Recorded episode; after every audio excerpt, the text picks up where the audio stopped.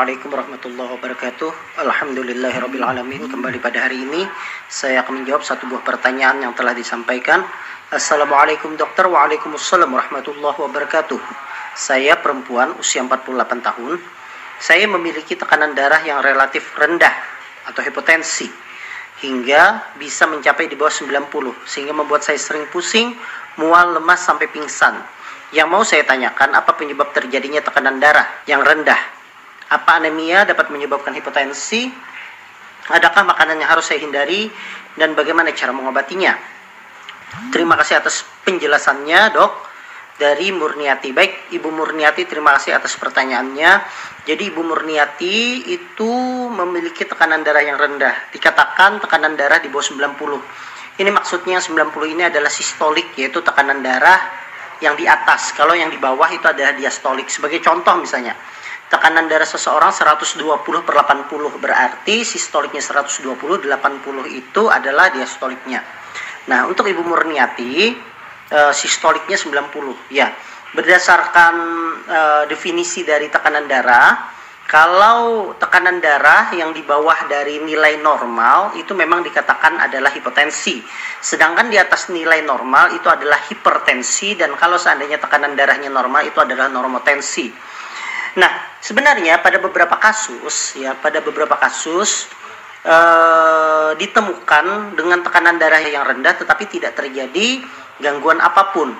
Dan ini memang sering didapatkan pada wanita dan juga pada beberapa kasus di mana memang misalnya ada hipotensi ortostatik atau hipotensi postural, tekanan darah yang menurun karena perubahan posisi atau misalnya hipotensi postprandial yaitu tekanan darah yang rendah setelah makan e, karena darah lebih banyak ke saluran pencernaan untuk melakukan proses pencernaan sehingga tekanan darah bisa menjadi turun.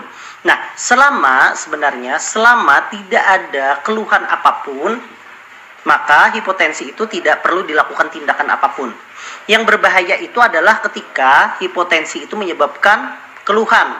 Kalau seandainya keluhan itu menyebabkan seseorang bahkan menjadi pingsan, atau misalnya tangan atau kaki menjadi dingin, nah itulah yang disebut dengan shock hipotensi. Artinya shock itu adalah distribusi aliran darah ke organ yang penting ditingkatkan sehingga organ-organ yang tidak terlalu penting itu menjadi turun sehingga tekanan darah sangat drop dan seseorang bisa sampai penurunan kesadaran.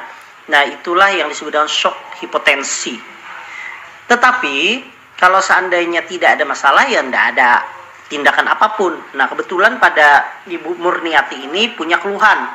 Cuma yang belum jelas apakah keluhan itu dirasakan setiap saat atau keluhan ini sebenarnya hanya sesekali saja. Karena ternyata pertanyaannya Ibu Murniati ini apakah anemia dapat menyebabkan hipotensi? Ya mungkin saja misalnya Ibu Murniati ternyata punya anemia. Ya anemia itu yang men yang menyebabkan terjadinya pusing, mual, lemas bahkan sampai pingsan karena kadar hemoglobin atau HB yang rendah. Jadi berbeda antara anemia dan hipotensi. Jadi anemia itu adalah kurang darah karena kadar HB yang turun, sedangkan hipotensi itu adalah darah rendah karena tekanannya yang turun.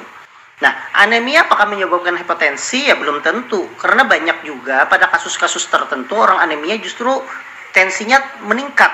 Pada kasus misalnya gagal ginjal, orang gagal ginjal itu kecenderungannya tekanan darahnya itu meningkat dan hemoglobinnya atau HB-nya itu turun. Kenapa turun? Karena ada proses pembentukan hemoglobin yang terganggu pada pasien dengan penyakit ginjal kronik atau CKD. Nah, jadi bisa saja orang anemia itu tekanan darahnya tinggi. Jadi tidak terlalu ada hubungan yang bermakna antara anemia dengan hipotensi. Nah, tapi kalau seandainya saya anggap ibu ini punya gejala, berarti ya seharusnya dicari penyebab kenapa penyebab hipotensi tersebut. Apakah hipotensi ortostatik karena misalnya ibu menggunakan obat-obatan tertentu ataukah karena hipotensi postprandial karena setelah makan tekanan darahnya menjadi turun. Nah, kalau penyebabnya diketahui maka pengobatannya pun bisa dilakukan juga. Adakah makanan yang harus saya hindari? Secara umum sebenarnya tidak ada makanan yang dihindari. Bahkan saran saya Justru makan yang bergizi itu sangat membantu untuk mempertahankan tekanan darah agar stabil tidak turun. Dan tentunya minum air putih yang cukup. Jadi kalau seandainya hipotensinya itu tidak ada gejala ya tidak perlu pengobatan. Andai pun ada gejala tetapi itu hanya sesekali ya tidak perlu pengobatan.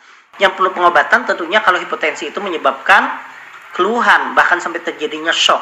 Dan tentunya untuk mengetahui apa itu obatnya harus diperiksa oleh dokter. Tidak bisa kita jawab dengan tanya jawab seperti yang di sini. Tapi intinya selama Ibu Murniati masih bisa melakukan aktivitas sehari-hari dengan tekanan darah 90 menurut saya tidak tidak terlalu bermasalah. Cuma hindari melakukan aktivitas yang mendadak yang menyebabkan organ-organ memerlukan oksigen yang cepat. Seperti misalnya langsung berlari cepat atau naik tangga yang terburu-buru karena itu bisa menyebabkan organ memerlukan oksigen yang cepat sedangkan tekanan darahnya rendah terganggu malah bisa menyebabkan komplikasi. Itu saja yang dihindari menurut saya. Dan selebihnya saya sarankan untuk makan makanan yang bergizi. Ya cukup sayur, cukup buah-buahan, protein, dan minum air putih yang cukup. Demikian itu saja jawaban dari saya. Semoga Ibu Murniati selalu diberikan kesehatan oleh Allah Subhanahu wa taala dan kita yang mendengarkan di sini diberikan uh, kesehatan juga dari Allah Subhanahu wa taala. Wassalamualaikum warahmatullahi wabarakatuh.